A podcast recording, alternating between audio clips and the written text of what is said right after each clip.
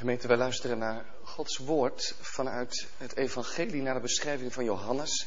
Hoofdstuk 21, dat is het laatste hoofdstuk uit het Johannesevangelie. En daarvan lezen wij de versen 15 tot en met 25. Johannes 21, vers 15 tot en met 25. Het sluit aan bij de verschijning van de Heer Jezus aan de zee van Tiberias. En dan lezen wij vanaf vers 15. Toen zij dan het middagmaal gehouden hadden, zei Jezus tot Simon Petrus: Simon, zoon van Jonas, hebt gij mij liever dan deze? Hij zei tot hem: Ja, heren, gij weet dat ik u lief heb. Hij zei tot hem: Wijd mijn lammeren. Hij zei wederom tot hem ten tweede male: Simon, zoon van Jonas, hebt gij mij lief? En hij zei tot hem, ja heren, gij weet dat ik u lief heb. En hij zei tot hem, hoed mijn schapen. En hij zeide tot hem ten derde maal, Simon, zoon van Jonas, hebt gij mij lief? Petrus werd bedroefd, omdat hij ten derde maal tot hem zeide, hebt gij mij lief? En zei tot hem, Heere, gij weet alle dingen, gij weet dat ik u lief heb. Jezus zei tot hem, wijd mijn schapen. Voorwaar, voorwaar zeg ik u, toen gij jonger waart, gordde gij uzelf en wandelde waar gij wilde. Maar wanneer gij oud geworden zult geworden zijn, zo zult gij uw handen uitstrekken en een ander zal u gorden en brengen waar u niet wilt. En dit zei hij, betekenende met hoedanige dood hij God verheerlijken zou. En dit gesproken hebbende, zei hij tot hem, volg mij. En Petrus zich omkerende zag de discipel volgen welke Jezus liefhad, die ook in het avondmaal op zijn borst gevallen was en gezegd had, Heere, wie is het die u verraden zal? Als Petrus deze zag, zei hij tot Jezus, Heere, maar wat zal deze? Jezus zei tot hem, indien ik wil dat hij blijft totdat ik kom, wat gaat het u aan? Volg gij mij. Dit woord dan ging uit onder de broeders dat deze discipel niet zou sterven. En Jezus had tot hem niet gezegd dat hij niet sterven zou, maar indien ik wil dat hij blijven totdat ik kom, wat gaat het u aan? Deze is de discipel die van deze dingen getuigt en deze dingen geschreven heeft. En wij weten dat zijn getuigenis waarachtig is. En er zijn nog vele andere dingen die Jezus gedaan heeft, welke, zo zij elk bij bijzonder geschreven werden, ik acht dat ook de wereld zelf de geschreven boeken niet zou bevatten. Amen. Tot zover onze schriftlezing. Tekst voor de prediking vindt u in het gedeelte wat we hebben gelezen, Johannes 21. Daarvan de versen 18 tot en met 22. 18 tot en met 22 waar we twee keer de oproep tot de navolging lezen. Ik wijs u op vers 19b. En dit gesproken hebbende zei hij tot hem, volg mij. En wij komen dat ook tegen in vers 22, waar Jezus zegt, indien ik wil dat hij blijft totdat ik kom, wat gaat het u aan? Volg gij mij. Dus Johannes 21, daarvan de versen 18 tot en met 22. Gemeente van de Heer Jezus Christus. En ook jullie jongens en meisjes. Soms word je opnieuw geroepen. Opnieuw geroepen. Opnieuw? Waar is dat goed voor? Bijvoorbeeld als het gaat om aan tafel komen. Aan tafel, maar één keer is niet genoeg. Opnieuw geroepen. Waarom nog een keer? Wij luisteren meestal, of nee, meestal zal ik niet zeggen, maar wij zijn niet zo goed in direct luisteren. Ik had dat laatst ook eens. Toen werd ik geroepen voor de koffie en ik zat achter mijn bureau. Er is koffie en ik kom naar beneden en er was nog geen koffie. Ik zeg, wat is dat? Je riep toch voor de koffie? En toen zei mijn vrouw, ja, maar meestal kom je pas als ik voor de tweede of de derde keer roep. Ja, we luisteren altijd niet even direct. Dan is opnieuw roepen nog wel eens nodig. En soms luisteren we wel, maar niet goed. Dat wil zeggen, we luisteren op onze eigen manier. Dan zeggen we, ja, maar ik deed er toch iets mee wat u zei. Ja, dat kan zijn, maar dat was niet de bedoeling. Dan is het nodig dat er opnieuw geroepen worden. En, en soms roept de Heer ook opnieuw. Nou, eigenlijk soms. Heel vaak. Is het niet elke zondag dat de Heer ons twee keer roept? En misschien hebben we dat vandaag de dag ook wel weer heel erg nodig. Het kan ook wel zijn dat de Heer ons echt wel eens voor het eerst roept. En dan bedoel ik daarmee dat we het nog nooit gehoord hebben. Wel bekende woorden hebben gehoord, maar dat de Heer ons vanmiddag voor het eerst moet roepen om tot Hem te komen en Hem na te volgen. Dat het vanmiddag voor het eerst door gaat dringen omdat we nog helemaal niet gekomen zijn en nog helemaal niet geluisterd hebben. En de Heer opnieuw zegt, kom tot mij en volg mij. Het kan ook zijn dat we wel geluisterd hebben. Dat is ook iets van het werk van de Heilige Geest en iets van genade. Dat we wel onderweg zijn gegaan en dat we zijn roepstem hebben gehoord. Maar dat we het nog zo eigenzinnig hebben gedaan op onze eigen manier. Of dat we wel goed zijn gaan volgen zoals de Heer bedoeld heeft. En we hebben naar hem geluisterd en we hebben gezegd, spreek Heer, uw knecht hoort. Maar dat we gaandeweg vanmiddag op een plek zijn gekomen dat de Heer ons opnieuw moet roepen. Omdat de lauwheid is en de gloed van de navolging ook over is gegaan. Soms is dat nodig. Denk maar aan Jona. Jona werd ook geroepen door de Heer. En wat deed Jona? Jona ging zo snel mogelijk de andere kant op. In tegenovergestelde richting. Op de vlucht voor de Heer en op de vlucht voor zijn opdracht. En jullie jongens en meisjes weten denk ik wel hoe dat verhaal dan verder gaat, hoe die geschiedenis verder gaat. Dat hij op die boot terechtkomt en in een storm en hij wordt overboord boord gegooid. En na drie dagen door die enorme vis uitgespuwd op het strand. En wat zegt de Heer dan? Nou Jona, aan jou heb ik ook niks. Dan zegt de Heer, Jona, ik roep je opnieuw. Ga naar Nineveh en predik tegen deze stad. Opnieuw wordt Jona geroepen. En ergens gemeend is dat ook zo bij Petrus vanmiddag. Nee, niet helemaal zoals Jona, die niet wilde, want Petrus wilde maar al te graag. Hij wilde heel erg zelfs en hij vond ook dat hij het wel goed wilde. Hij luisterde wel, reken maar, maar nog wel zo op zijn eigen manier. Hij heeft het al die tijd gemeend toen de Heer Jezus zegt, Petrus, je kan mij niet volgen hoor. Hij heeft het al die tijd wel gemeend toen hij zei, Heer, u kunt mij van alles vertellen en me waarschuwen, maar ik ga u volgen, al zou ik er mijn leven van moeten geven.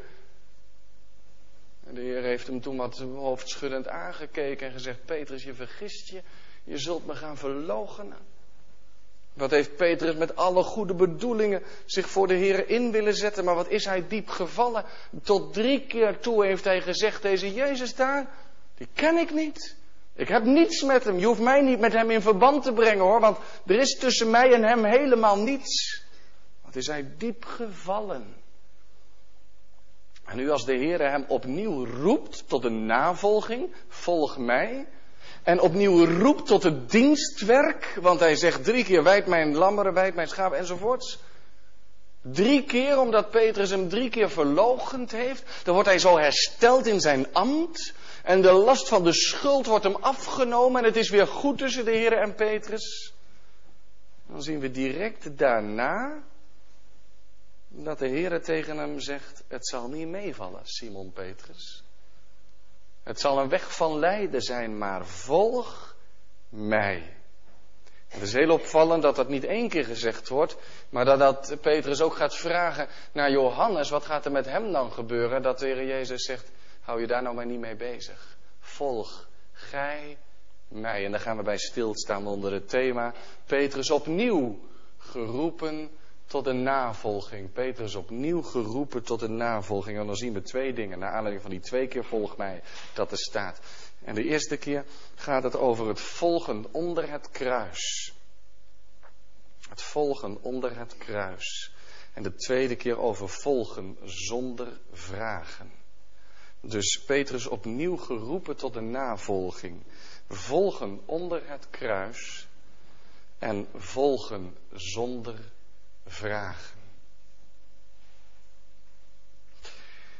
Hoe vaak gaat het, gemeente, denkt u, in de Bijbel, in het onderwijs van de Heer Jezus, niet om die oproep, volg mij, wie achter mij wil komen, wie mij wil volgen. Het gaat dan om de navolging, het gaan in het voetspoor van de Meester. Het betekent ook je eigen leven loslaten en je bij Hem voegen. Om nooit meer zonder Hem verder te gaan, maar met Hem te gaan en achter Hem aan. Dat is een leven waarbij je leert zeggen, Heer, laat mij niet mijn lot beschikken. Zo ik mocht, ik durfde niet. Maar mag ik nu achter U aankomen? Mag ik mijn oog gericht houden op U? Wilt U nou mijn meester zijn? Mag ik met U mee en bij U horen, Heer? Dat, dat is een ander leven als daarvoor, waarin je zelf je weg wel vindt. Nou, deze navolging, hoe vaak roept de Heer daar niet toe op? Vele keren. En altijd blijkt weer dat de navolging van de Heer Jezus bestaat uit verbondenheid met Hem, maar ook uit lijden. Het gaat altijd gepaard met sterven aan jezelf, met moeite en het leven uit handen geven. Als hier de opgestane levensvorst Petrus als het ware wenkt in de navolging, dan ziet Petrus in die wenkende hand ook de littekens van het lijden en sterven. Het is een doorboorde hand, want het is wel de opgestane die zegt volg mij, maar het is ook nog een volgen onder het kruis. Hij was die weg gegaan. Van smaad en hoon en van geeselslagen en van kruisdragen. Volg mij.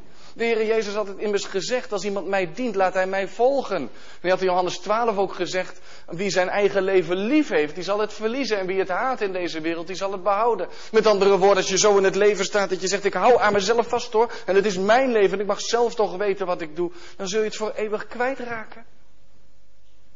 Als je het verliezen zal doordat je het aan de Heere kwijtraakt, dan zal je het behouden tot in eeuwigheid. Dus de navolging, het volgen van de Heer Jezus, het horen bij de Heer Jezus, gaat altijd gepaard met kruisdragen. De Heer Jezus is daarna Petrus toe heel helder en scherp in. Maar dan zou je eigenlijk zeggen, ja maar wie wil dat nou? Als de Heer Jezus dat zo helder zegt, denk erom, als je mij volgt, dan zal dat ook een volgen onder het kruis zijn. Wie wil dat nou? Is dat nou een boodschap om, om mee naar Alanderveen te komen? Of, of naar Utrecht? Of, waar dan naartoe? Is dat nou een boodschap van de Heer Jezus waarmee die volgelingen zal kunnen krijgen? Wie wil dat nou? Hem volgen? En, en waarom gaat Petrus dan zo achter de Heer Jezus aan en zegt Petrus niet, nou Heer, eh, laat het dan maar zitten?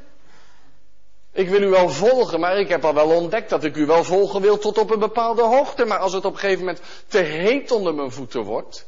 En het wordt me te bedreigend als zo'n dienstmeisje naar me, toe, naar me gaat wijzen en zegt: Kijk eens, dat is er een van Jezus. Dat kan je wel zien en dat kan je horen aan hoe die praat. Dat is de typisch een van Jezus. Dan had hij al gezegd: ik, ik, ik ken hem niet. Dan werd het te heet onder zijn voeten. En nu zegt de Heer Jezus erbij, Petrus, als je mij in de toekomst zal volgen, dan zul je wel voor hetere vuren komen te staan dan dat kolenvuurtje daar in het paleis van Caiaphas. Zou je het wel doen, Petrus? Zou je het wel doen? Moet je niet stoppen, Petrus? En weet u waarom Petrus dan toch gaat volgen? En straks zien we die lijn nog heel bijzonder doorlopen. Dat komt omdat de oproep tot de navolging klinkt vanuit de herstelde liefdeband. Daarom lazen we eerst dat gedeelte waar de Heer Jezus drie keer zegt, vanuit zijn genade en vanuit zijn geduld, dan gaat hij het goed maken. En dan zegt hij drie keer, Simon, heb je me lief? Nou durft Petrus haast niet te beantwoorden, maar dan zegt hij uiteindelijk toch, Heer, u weet alle dingen. U weet dat ik u lief heb, u weet dat ik niet los van u kan komen, u weet dat ik van u hou. U weet toch alle dingen. En, en, en, dan zie je eigenlijk als de Heer Jezus zegt, volg mij, dan moet je die twee woorden eens even pakken. En dan zeg je eerst volgen. Ja, dat betekent ook kruisdragen, volgen. Maar er staat niet alleen volg, er staat ook volg mij. Dan mag hij achter de Heer Jezus zijn lieve meester aan. En dan zegt hij, vanaf nu zal ik bidden, Heer, wilt u geven dat ik u niet meer verlogenen zal, maar dat ik banger ben u te verlogenen, dan dat ik bang ben om smaadheid en lijden te ondergaan. Zou je dat ook durven bidden? Heer, geef dat ik banger ben u te verloochenen dan dat ik smaad onderga. Spot en lijden om zijn naam. Het is de liefde die zo trekt. En direct nadat Simon Petrus drie keer had gezegd: Ik, eh, ik mag u lief hebben, dat weet u toch. U kent mijn hart, heeft de Heer hem in zijn ambt hersteld en gezegd, wijd mijn lammeren, hoed mijn schapen, wijd mijn schapen. Je mag mij navolgen door ook als een goede herder te worden, onder die grote opperherder. De grote herder der schapen. Die zijn leven heeft gezet voor de schapen. Maar Petrus, als ik je roep om mij te volgen, zal dat ook betekenen dat je je leven moet gaan zetten voor de schapen. Is dat alleen voor Petrus? Nee, iets valt mij op en ik vind dat een best lastige tekst. Of lastig, een tekst die aan het denken zet. Je kent Johannes 3, vers 16. Maar 1 Johannes 3, vers 16, daar schrijft deze apostel dat wij geroepen zijn ons leven te geven voor de broeders. En hier zegt de Heer Jezus dat tegen Petrus ook. Nu moet je als een goede herder voor die schapen zijn. Als ik zeg wijd mijn schapen, dan betekent dat ook dat je dat niet kan doen tot op zekere hoogte. En als die schapen vervolgd gaan worden, dat je dan kan zeggen als een huurling, ik ga maar eens een deurtje verderop. Mij niet gezien. Ik, ik, ken deze schapen niet. Dan komt het erop aan, Simon Petrus, om als een mijn onderherder voor de schapen te zijn en je leven voor hen te zetten. En dat dat lijden met zich meebrengt, blijkt wel uit dat achttiende vers, waar de Heer Jezus met zoveel klem, kijk maar mee, en met zoveel nadruk zegt, voorwaar, voorwaar zeg ik u, toen u jonger was, gordet gij uzelf en wandelde waar gij wilde. Maar wanneer u oud zult geworden zijn, zult u uw handen uitstrekken en anderen zal u gorden en brengen waar u niet wilt. Ik, ik, ik denk dat, dit, dat de Heer Jezus hier allereerst een algemeen voorbeeld neemt. Een voorbeeld, een algemeen toepasselijk voorbeeld. Als je jong bent, dan god je jezelf. En aangorden, dan moet je je voorstellen dat je dan vroeger zeg maar een soort overmantel aandeed met een soort linnen of wat dan ook, een gordel eromheen. Dan kon je gaan, dat was, als je je klaargemaakt zei, nou ik ga even weg hoor, dan pakte je je gordel en je omgorde je. Dat betekent, wij zouden zeggen, je trekt je jas aan. Dat kun je niet zo makkelijk naar onze tijd overplaatsen. Wij hebben niet zo'n zo'n gordel, maar je omgorden is klaarmaken om ergens naartoe te gaan. Nou, als je jong bent, dan kun je dat allemaal zelf. Ja, een kind moet je nog wel helpen. Maar al voordat ze het zelf kunnen, zeggen ze: Ik, ik kan het zelf. En dan mag je hoe langer hoe minder helpen. Op een gegeven moment word je zo oud dat je zegt: bemoei je er ook maar niet al te veel mee. Ik wil graag zelf uitmaken waar ik naartoe ga en waar ik niet naartoe ga. En je kunt dat ook. Je springt maar zo op je fiets, je rijdt ergens naartoe.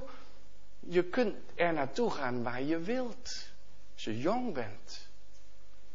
Maar. Eh, is het niet terecht dat we vaak zeggen de ouderdom komt met gebreken? Dan gaat het over als je oud geworden bent, dan gaat dat allemaal niet zo makkelijk. Er zullen misschien ouderen hier zijn die dat wel herkennen of thuis meeluisteren, die niet meer naar de kerk kunnen komen en mogelijk ook niet meer in staat zijn om zichzelf bijvoorbeeld aan te kleden, om de knoopjes nog dicht te krijgen. Of eh, de, de fiets die staat al lang aan de zijkant en en, en het lopen gaat steeds moeilijker en je moet je handen steeds uitstrekken en een arm geven aan iemand die je kan ondersteunen om, om, om toch nog de boodschappen te doen. Ik noem maar iets. En op een gegeven moment moet je je armen uitstrekken om geholpen te worden en word je gebracht op plaatsen waar je niet wil zijn. Je bent afhankelijk van mensen en, en, dan word je eens een keer naar een verzorgingstehuis gebracht en moet je je eigen geliefde woning verlaten. Ik noem maar, u kunt dat zelf allemaal wel invullen. Als je jong bent, dan, dan ga je waar je heen wil. Maar als je ouder bent, gaat dat zo makkelijk niet meer. En dan moet je je armen hulpbehoevend uitstrekken en brengen ze je waar je niet wilt. En soms gebeurt dat al op veel jongere leeftijd. Dat je hulpbehoevend bent en dat je ze je naar onderzoeken toe brengen of naar een ziekenhuis toe brengen. En dan zegt de Heer Jezus dat heel speciaal tegen Petrus. En dan heeft hij het er niet alleen over dat het pas op, in zijn hoge ouderdom zal zijn. Maar het zal van nu af aan samengaan met die navolging. Petrus, een dienstknecht, is niet meer dan zijn Heer. Ze hebben mij gehaat. Ze zullen ook u haten. Hij die dat heeft gezegd, roept Petrus om hem na te volgen. Je mag bij hem in dienst, Petrus. Maar makkelijk zal het niet zijn. En gemeente, hoeveel tijd zit er nou eigenlijk tussen? Tussen het moment dat de Heer Jezus dit tegen Petrus zegt en dat hij de eerste portie geestelslagen ontvangt. Dat is nog hetzelfde jaar geweest. Dan is het hemelvaart geworden, 40 dagen daarna. Dan is het Pinksteren geworden, 50 dagen. En kort daarna loopt hij ook met Johannes samen naar de Schone Poort. Om via de Schone Poort het Tempelplein op te gaan. En dan zien ze daar die kreupele man zitten en dan maken ze hem beter in de naam van de Heer Jezus. Maar als ze dan daarbij getuigen van de, de macht van de Heer Jezus Christus, van zijn opstandingskracht, Dan worden ze gevangen genomen. Dan moet hij zijn hand al uitstrekken om gebonden te worden. Om zo gegord te worden. Niet, niet een gordel om te doen om zelf ergens naartoe te gaan. Maar om gebonden te worden en gebracht te worden waar hij niet wil. En daar staat hij voor de Joodse raad. Gaat hij dan ook verlogen? Nee, dan verloochent hij helemaal niets meer. Maar in de kracht van de Heilige Geest merken ze dat ze geen vat op hem hebben. En wat ze ook dreigen. Hij zegt, ik, we moeten de Heer meer gehoorzaam zijn dan mensen. En we zullen spreken over onze Heer en Heiland. En omdat ze geen grip op hen hebben, dan trekken ze de kleren van het lijf. En krijgen ze geestelslagen. Als ze afgetuigd en afgeranseld zijn, worden ze vrijgelaten. En wat doen ze? Heel hard bidden of het nooit weer gebeurt, zeker? Nee. Dan komen ze in de kleine gemeente. En wat gaan, ze bidden, heren? Geef acht op hun dreiging. Dan vragen ze niet eens of ze beschermd worden, maar dan zeggen ze: Heer, wilt u ons tegen moedeloosheid beschermen en ons meer vrijmoedigheid geven om over Jezus te spreken? En dan zijn ze verblijd. Kunnen we het ons voorstellen? Dan zijn ze verblijd dat ze waardig geacht zijn te lijden om de naam van de Heer Jezus. Wat een andere Petrus treffen we dan aan. Petrus die Jezus gaat volgen.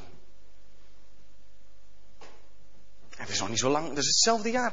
En, en, en, hoeveel later dat is, dat weet ik niet precies. Maar het is niet veel later. Of Herodes denkt een wit voetje bij de Joden te gaan halen in Handelingen 12. En die gooit Petrus in de gevangenis. En dan ligt hij vastgeketend aan verschillende soldaten. En soldaten staan voor de ingang om het te bewaken.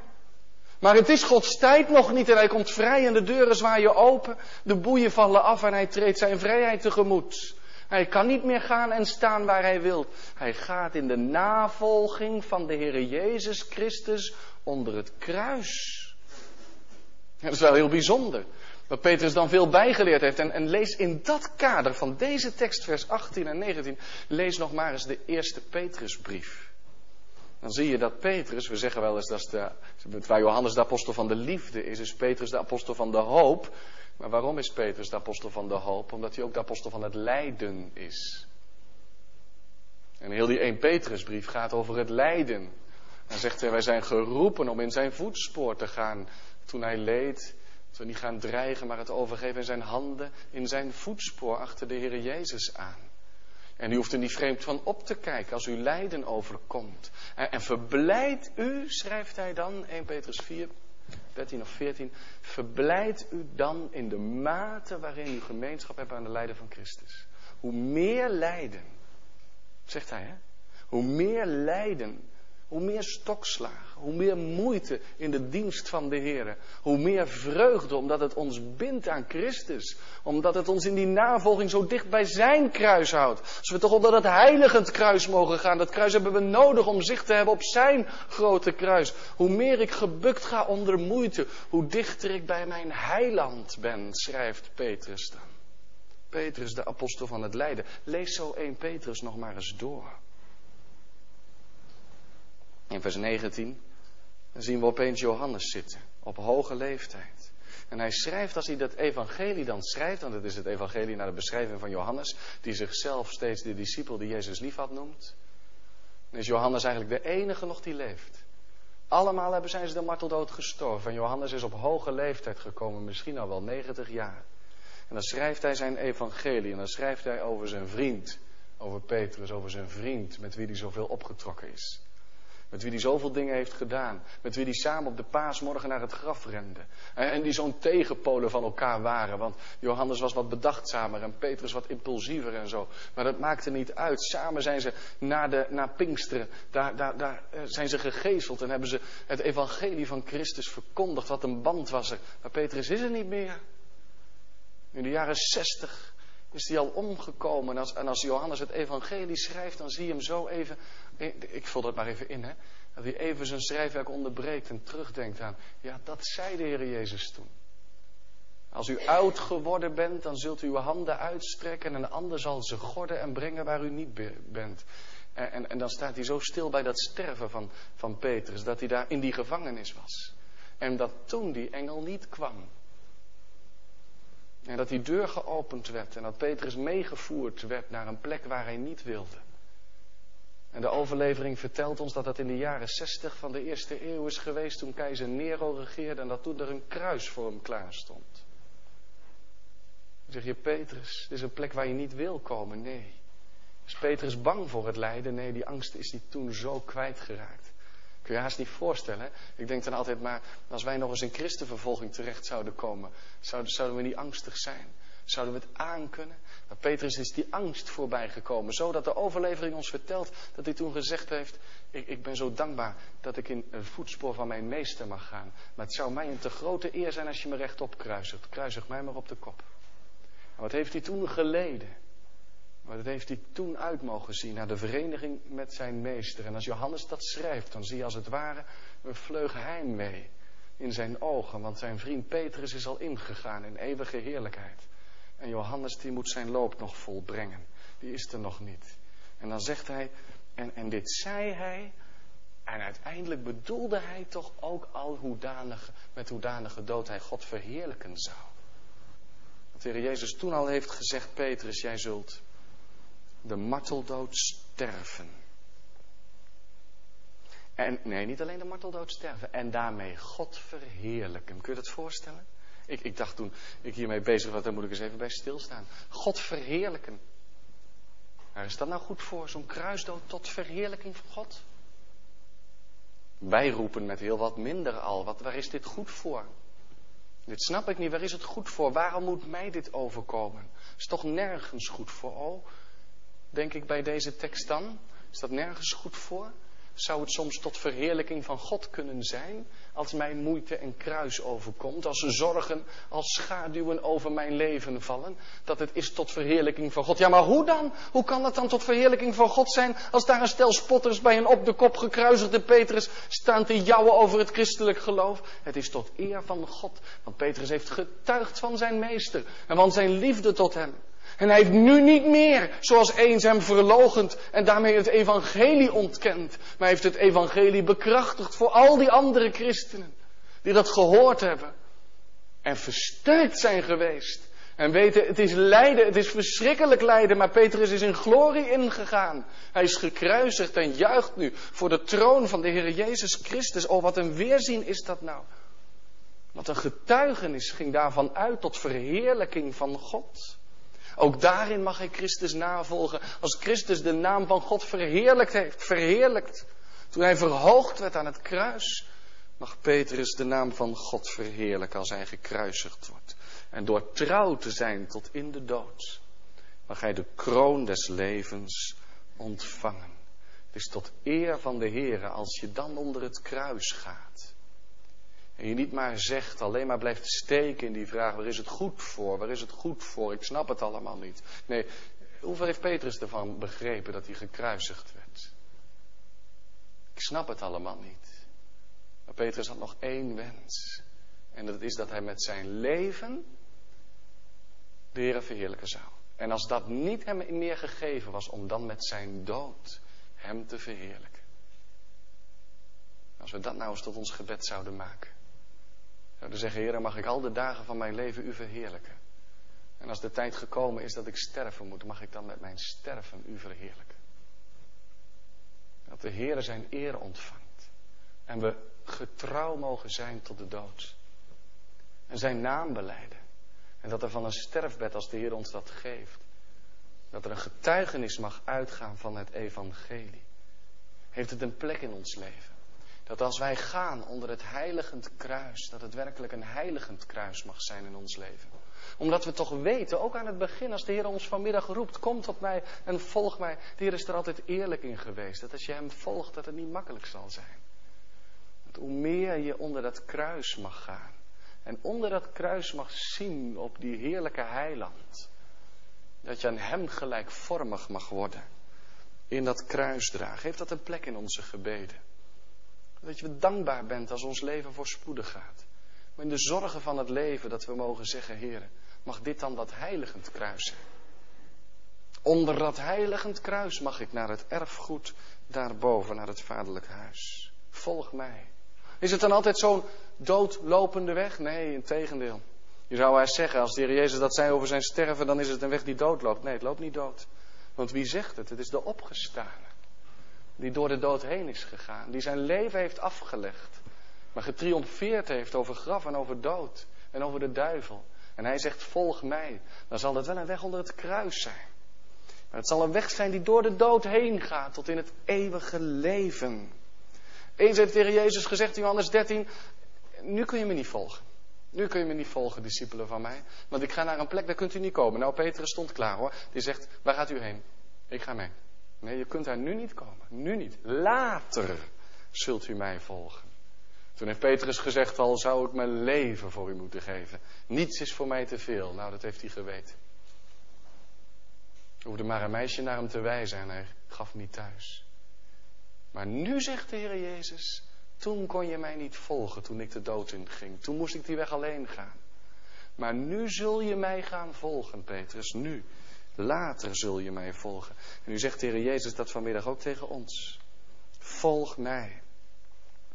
Ik kom daar straks nog even op dat dat voor iedereen anders is. Ik ga u niet vertellen, betekende hoedanige dood u zal sterven. Het is u gegund om op hoge leeftijd, na een periode van redelijke gezondheid, de dood van de ouderdom te sterven. Maar we weten het niet hoe het in ons leven gaat. We kennen Gods wegen niet. We weten niet waartoe God ons roept. Maar de Heer Jezus zegt vanmiddag tegen u, jou en mij, volg mij. En hij zegt het opnieuw. Omdat we het nog nooit gehoord hebben. Omdat we nog nooit geluisterd hebben. Of omdat we het opnieuw nodig hebben. Volg mij. Gemeente, dat volgen is niet los van geloof te verkrijgen. Maar het geloof ook niet los van het volgen. Wie zalig wordt, wordt zalig uit genade alleen.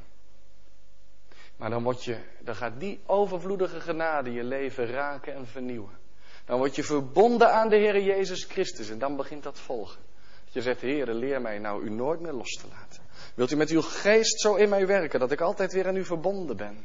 Dat heeft invloed op je levenskoers. Dat heeft invloed op je levenshouding. Nog niet eens op je gedachten, op je woorden, op je daden. Maar allereerst op de hele houding waarmee je in het leven staat. Is het een biddend leven? Je zegt, Heer, leer mij u volgen. En als ik morgen in de situatie terechtkom dat het volgen smaad betekent, leer me standvastig te blijven. Als dat betekent dat ik een ander dienen moet terwijl het zoveel pijn doet, leer me dienen. En geef me de vreugde ervan, van de navolging. Zoals de Vader mij gezonden heeft in de wereld, zo zend ik ook u, heeft Heer Jezus na zijn opstanding gezegd. Zo mogen we hem volgen. Als hij ons zendt in deze wereld met die ontferming van zijn Vader. Met die dienstbaarheid van zijn Vader. Dan is dat volgen onder het kruis, persoonlijk. Als gemeente. Als gezin. Dan zijn we bij het tweede, volgen zonder vragen. Petrus ziet Johannes volgen. Ik weet niet of ze opgestaan zijn, of dat ze inmiddels alweer onderweg zijn gegaan. Petrus zich omdraait en dan ziet hij, ja, die andere discipel, Johannes. Die zo'n bijzondere band met de Heer Jezus had. Die veel eerder bereid was, ja, maar dan ook echt bereid om de Heer Jezus te volgen op zijn lijdensweg. En je ziet altijd weer die zachtmoedige en liefdevolle blik in de ogen van deze discipel. En dan zegt Petrus opeens, Heer, hij dan. Wat, gaat er met hem gebeuren dan? U, u, heeft mij gezegd dat de weg niet makkelijk zal zijn dat het een weg van lijden zal zijn. Maar hij dan, wat gaat er met hem gebeuren? Gemeente, waarom vraagt hij dit? Heeft u enig idee?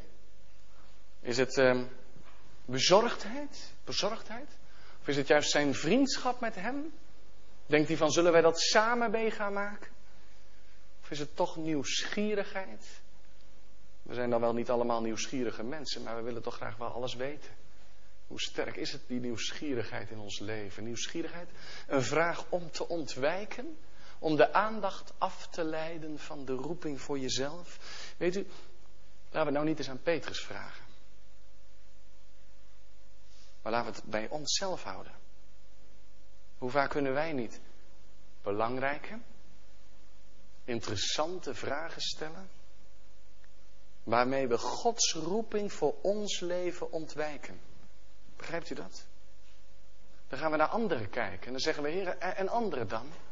Waarom moet het in mijn huwelijk zo gaan? Terwijl mijn leeftijdsgenoten die en, hun dan? En waarom moet ik onder het kruis gaan? Terwijl, terwijl zij. En waarom gaat het in mijn alleen zijn zo? En, en die anderen dan? Waar ik mij aan meet.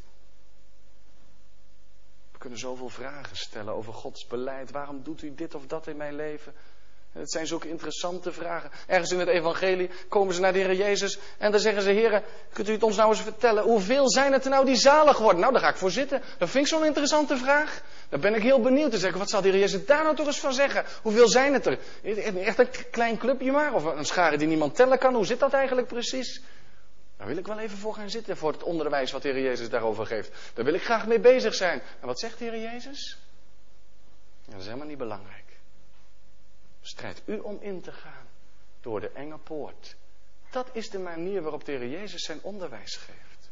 Dan willen wij vragen stellen over Gods beleid, heren. Het zou zoveel makkelijker zijn u na te volgen als ik toch eens iets meer zou begrijpen van al dat lijden wat u geeft in deze wereld, of waar u dan toch niet direct wat aan doet. En hoe zit dat nou precies met de uitbreiding van uw koninkrijk? En hoe zit dat nou precies met dat zendingswerk en met die tekenen der tijden en dat u toch alle macht heeft in hemel en op aarde? En ik heb daar nog wel duizend vragen bij. Als ik al die vragen blijf stellen, dan kan het maar zo dat ik allemaal met de Heer aan het gesprek ben. En het is allemaal zo vroom in mijn leven. En het kan goed gaan. En ik vraag, Heer, hoe zit dit dan? Hoe zit dat dan? En van de navolging komt er niks. Want we zijn nog met onze vragen bezig. Dan ziet u nou eens hoe scherp de Heer Jezus op hem reageert. En de Heer Jezus die zegt dan tegen hem in vers 22. Als ik wil dat hij blijft totdat ik kom, wat gaat dat u aan? Goed, dat had een misverstand opgeleverd. Leest u in vers 23 en 24 wel van. Dat sommigen zeiden, de Jezus komt snel terug, want Johannes wordt oud. En hij blijft tot Jezus komst. Dan vond Johannes het nodig om ze even voor te bereiden op zijn sterven. Dat had de Heer Jezus niet gezegd. Het kan best zijn dat hij sterft en dat het nog een poosje duurt. En het duurt ook nog een poosje. Maar de Heer Jezus had gezegd tegen Petrus, als ik wil dat ik blijf. Als ik het wil. Petrus, kun je daarmee leven? Als ik het wil. De meester, die je toch lief hebt, heb je toch gezegd. En die je toch vertrouwt. Als ik het wil. Had hij daar zichzelf niet zo in de weg van zijn vader begeven. Niet mijn wil, maar uw wil geschieden. Als ik het wil. En met al onze vragen naar de Heer Jezus toe gaan. Kan mooi zijn. Maar de Heer Jezus wijkt geen duimbreed voor al onze vragen. En zegt, volgt u, jij, mij. Wat gaat het u aan, zegt hij. Zegt Petrus, wat heb jij daarmee te maken? Gaat het jou helpen als ik je uitleg geef wat ik met Johannes ga doen? Gaat het jou helpen als ik zeg hij zal 97,5 worden en dan zal hij rustige dood sterven en dan wordt het dan moeilijker om te volgen? Wordt het dan makkelijker om te volgen? Waar gaat het je brengen? Je kunt zo om je heen kijken naar anderen. Het eerste wat de Heer Jezus wil zeggen is hier, mijn roep tot navolging verdraagt geen wedervraag. Belangrijk voor ons. Want we kunnen straks naar huis gaan en zeggen, nu heb ik nog een vraag aan de Heer. En dan zal de Heer tegen u zeggen, ik heb geen vraag van u nodig, ik had u om een antwoord gevraagd. Het is heel lastig hè, als je thuis in een gesprek bent met elkaar en je krijgt allemaal, allemaal in plaats van een antwoord krijg je een wedervraag. Dan zeg je op een gegeven moment, wie had er hier nou een vraag gesteld? Hoe vaak is dat bij ons zo naar de Heer toe? De Heer vraagt van ons, volg mij. En wij zeggen, nou Heer, ik ben wel zo serieus dat ik nog een paar vragen voor u heb. Hoe zit dat dit? Hoe zit dat? Hoe zit zus? Hoe, hoe zit zo? En de Heer zegt, laat die al die vragen maar aan mij over. Volg mij. Je moet niet met een wedervraag komen. Maar met een geloofsovergave en met gehoorzaamheid. er zit nog een tweede in. Dat de Heer in zijn goddelijke majesteitelijke wil met ons een verschillende weg kan gaan. Want niet iedereen hoeft op de kop gekruisigd te worden zoals Petrus. Ik denk dat van ons niemand gekruisigd zal worden aan het einde van zijn leven. En velen zullen de marteldood niet sterven. Maar we hebben ook niet dezelfde roeping. Niet alle worden predikant, niet alle worden ouderling of diaken, niet alle worden evangelist. Niet alle krijgen dezelfde roeping in het leven. De Heer gaat met een ieder zijn eigen weg, maar tegen een ieder van ons zegt hij: Volg mij. Als je, dan mag je gaan vragen, niet wat gaat er met die gebeuren, maar dan mag je met deze vraag naar de Heer toe. Heer, leid mij dan in uw weg. En dat belooft de Heer te gaan doen. Dan word je geroepen om Hem na te volgen. Zo persoonlijk volgt gij mij. Niet met een ander bezig zijn. Misschien dat u iemand in de gedachte hebt die een zwaardere weg dan u gaat. Wat brengt het u om daarover na te denken? Misschien dat iemand een makkelijkere weg gaat. Het gaat erom waar roept de Heer u toe.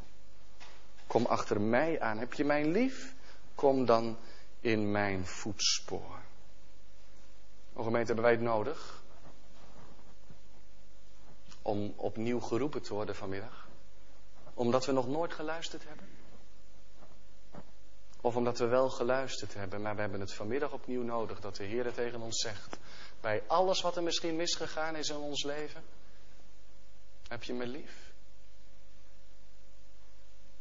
En je mag zeggen, Heer, u weet alle dingen. U weet dat ik u lief heb. Hoe ver ik er ook bij vandaan ben geweest. Zegt de Heer vanmiddag tegen ons. Als ik u nu na deze zondag de wereld weer inzet, volg mij. Volg mij, hoe dan ook. Kijk niet naar anderen. Volgen onder het kruis. Volgen zonder vragen. Leer mij volgen zonder vragen. Vader, wat u doet is goed. Leer mij slechts het heden dragen. Met een rustig, kalme moed. Als je er bang voor bent om Jezus te volgen en je houdt krampachtig aan je eigen leven vast, raak je het kwijt. En ga je verloren. Als je je leven aan Hem mag verliezen, dan mag je ook delen in de vreugde van de navolging, al is het onder het kruis. De vreugde van dat vertrouwen, dat je je vragen kan laten rusten in Zijn doorboorde hand. Dan mag je ook weten, het gaat door lijden heen tot heerlijkheid. Na het kruis wacht de kroon. Amen.